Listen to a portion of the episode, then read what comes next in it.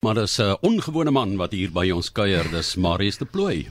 Ja, Marius de Plooi wat saam met ons hier is en ek moet sê ek het hom al die jare baie ontmoet en gesels en dan weet jy nou nie omdat jy bietjie jonger was in die tyd wat hy nou in daai posisie gestaan het het jy nou nie daarvan geweet nie en so leer jy nou ook van die geskiedenis van RSG en soos dit ons vroeër genoem het, die redakteur later van Monitor en Omroeper, voltydse verslaggewer voor dit gewees. Baie baie welkom Marius. Baie dank. Ons weet jy vergesel die mense reg oor die wêreld op hierdie stadium met toere. Is daar ooit 'n tyd wat jy voel jy wens jy kon bietjie meer stil staan en weer in 'n ateljee wees met daardie vinnige beweging van oggendnuus? Ek wil net eers sê ek bly sê ek vergesel hulle en nie vergesel nie, want dit kon 'n heeltemal 'n ander betekenis hê. Ja. nee. Uh, ek ek hou van energie, ek hou van tempo.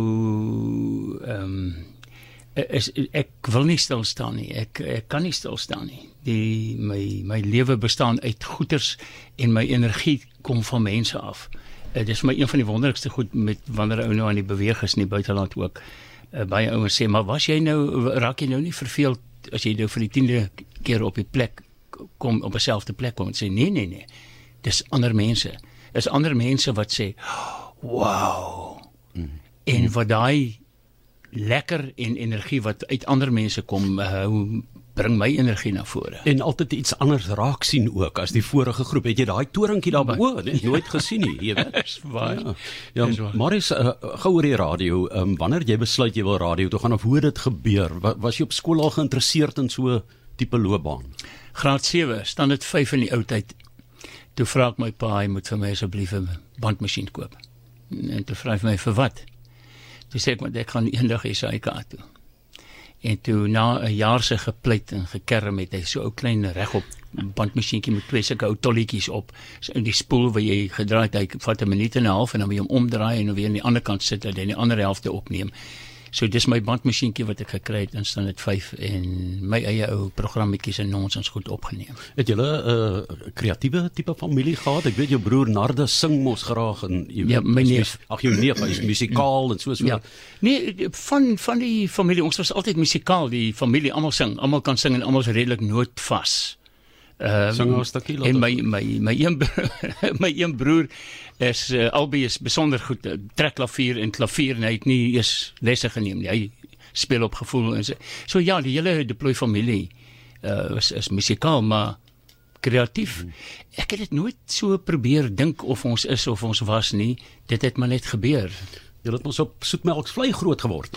Ja, ek kon nou nie vir oom Bar hoe sê?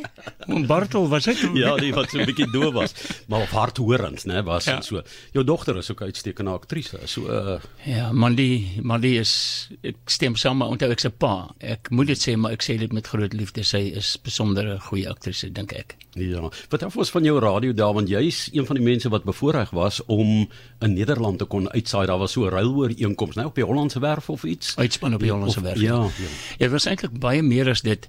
Daar was in 'n stadium, dit was hier in die politieke turbulensie tye uh 1975. Is lank gelede, Johan. Ja, oom Bartel. Ja, oom Bartel.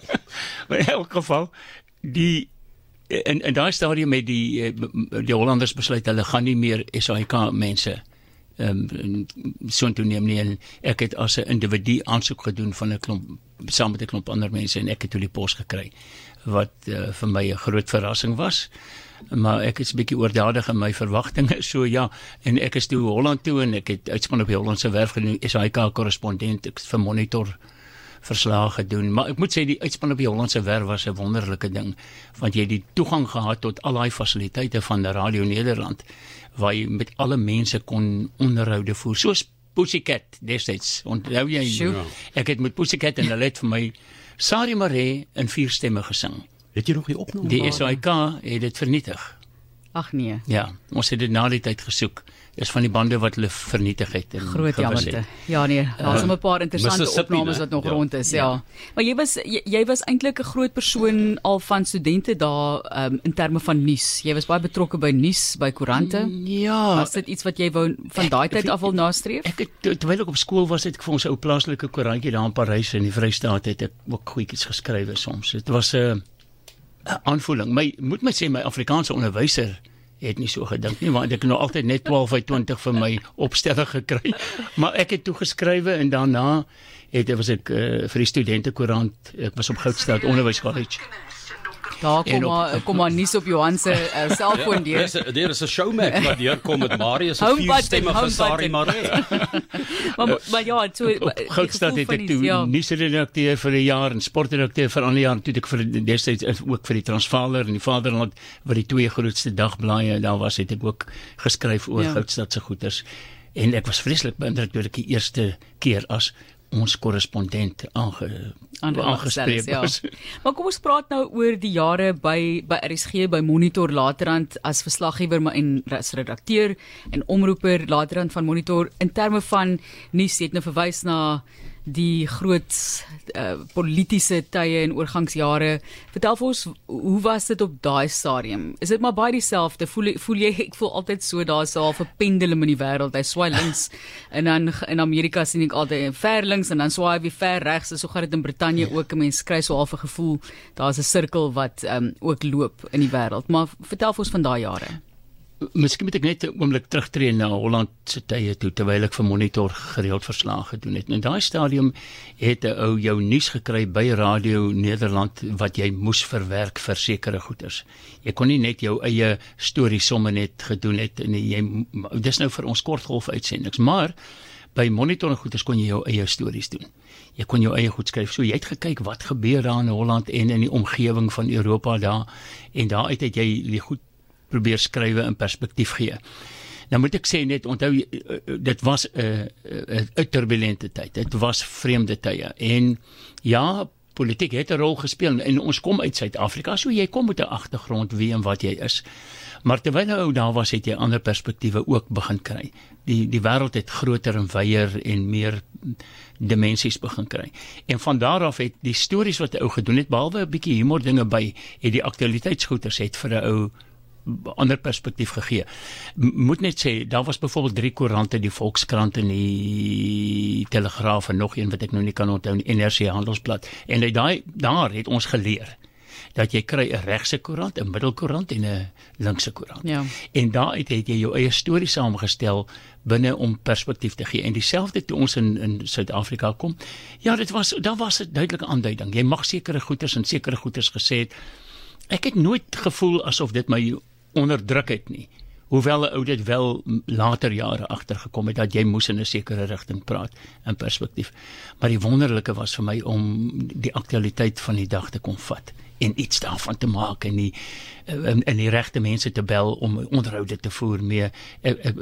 Oor die Pikbota het my waarskynlik vervloek vir baie keer want ek het hom seker 20 keer in my lewe uh 6 uur in die môre wakker gebel om 'n storie te kry, om 'n reaksie te kry oor wat gebeur het in die Verenigde Nasies ensovoorts ensovoorts. So, hierdie goedheid gebeur, my ons het die ongelooflike voorreg gehad om met top top top mense te praat uit uit hoofde van die posisie wat jy gehad het.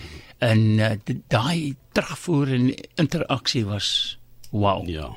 Wow. En, en toe het Chester Crocker my gesê, maar dat hy skorstem in die ja, oggend gehad vir al in die jy wat hom wakker gemaak het. ja. Maar is maar jy jy het ook 'n liefde vir joernaal en drama en ook 'n bietjie weier uitsaai het later, ek dink uh, toe jy uh, in jou loopbaan ook weg is by die SAIK, het jy baie met mense te doen gehad en uh, nie noodwendig net aktualiteit nie. Ja.